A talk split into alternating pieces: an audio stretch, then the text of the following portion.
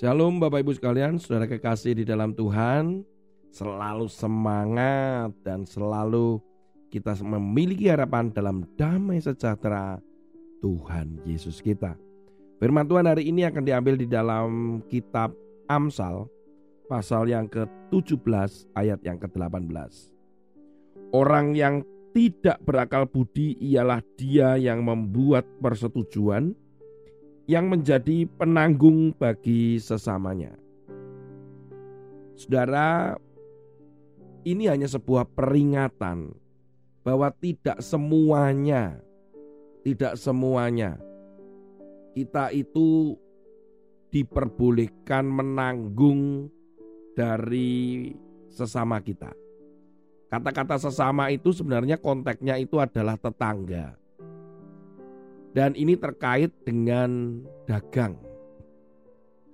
Saudara, perlu pertimbangan yang matang. Dikatakan di situ adalah orang yang tidak berakal budi. Orang yang tidak berakal budi itu di dalam ayat yang ke-16 sebenarnya dikembangkan dari orang bebal. Orang bebal itu dikembangkan menjadi orang yang tidak berakal budi. Orang yang tidak saja bodoh dan jahat, tetapi juga selalu menolak didikan hikmat. Sehingga orang itu terus tinggal bahkan tenggelam dalam kebodohannya. Bebal betul sudah ya, keras kepala sudah gitu.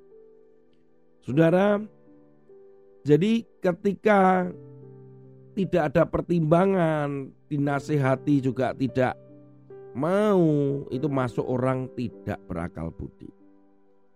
Saya akan berikan kesaksian, ya anggap ajalah ini kebodohan saya gitu. Bahwa ketika menanggung hutang dari jemaat. Saudara, suatu hari ketika sedang ibadah dan setelah ibadah saat itu uh, seorang sahabat pengurus daripada yayasan datang kepada saya terkait dengan permasalahan dari salah satu jemaat. Ternyata jemaat ini punya hutang yang cukup besar kepada salah satu jemaat di situ juga.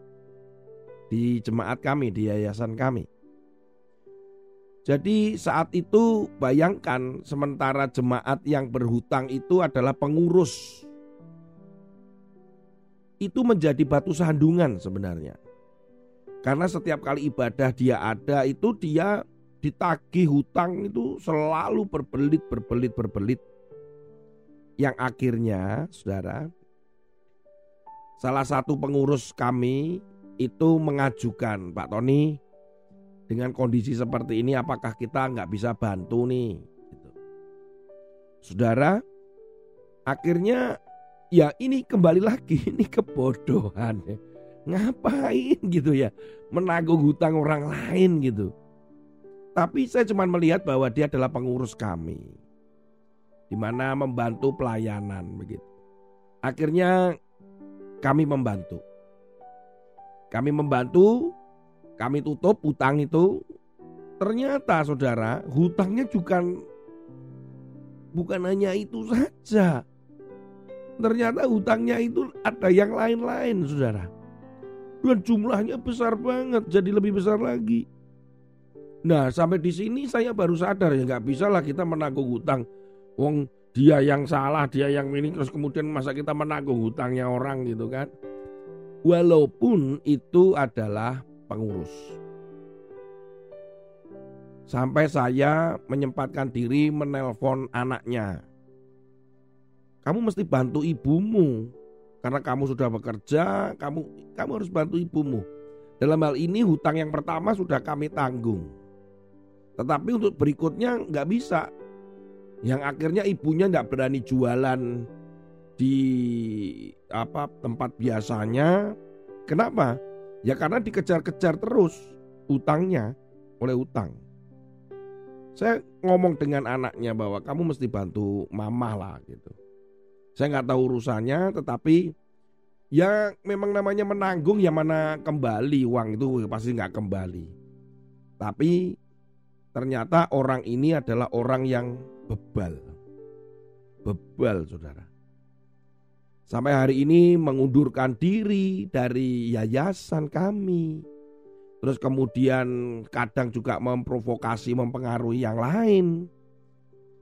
Tidak mau hadir dalam pertemuan persekutuan marah-marah, mengkritik. Kadang saya cuma berpikir, aduh Tuhan, dulu tahu begitu saya itu nggak mau menanggung apa yang dialami oleh dia sampai nangis-nangis, saudara. Seandainya saya saat itu berakal budi, anggap aja itu kesalahan saya.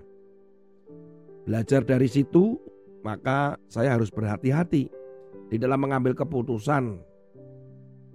Banyak hal terjadi, ya saudara menanggung ini, menanggung itu, menanggung ini, menanggung itu. Hutangnya ini ada orang yang tidak bisa keluar dari rumah sakit dan sebagainya. Ya, saudara, kembali lagi.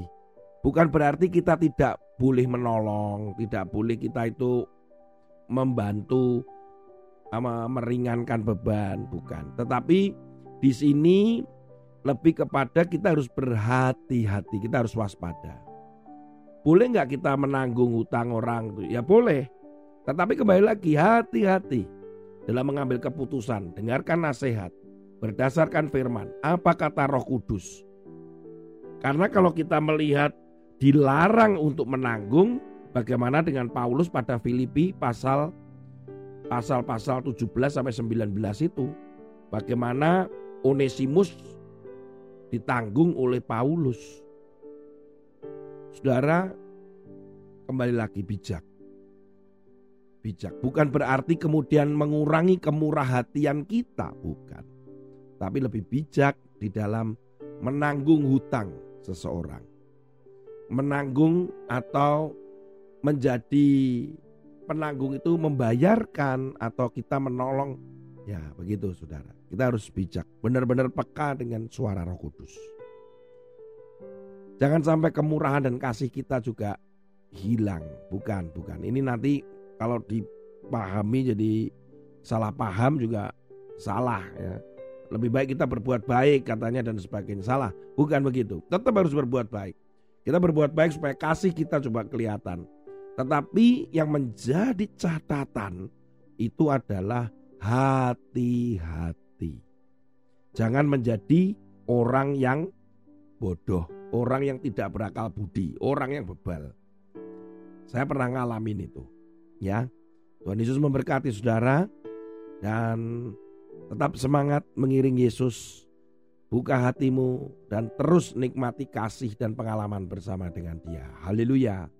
Amin. Kau Bapa yang setia, tak pernah sadati kau tinggalkan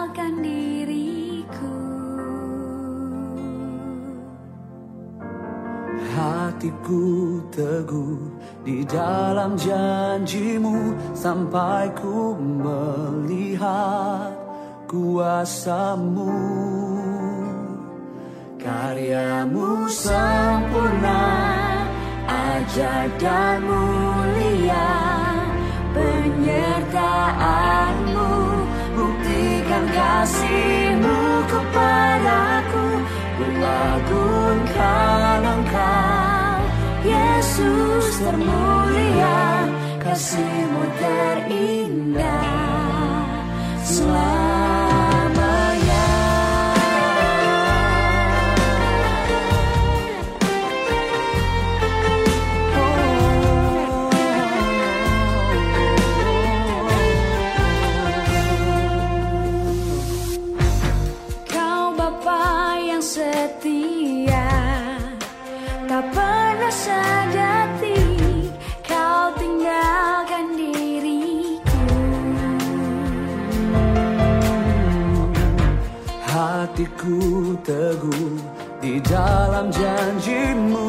sampai ku melihat kuasamu.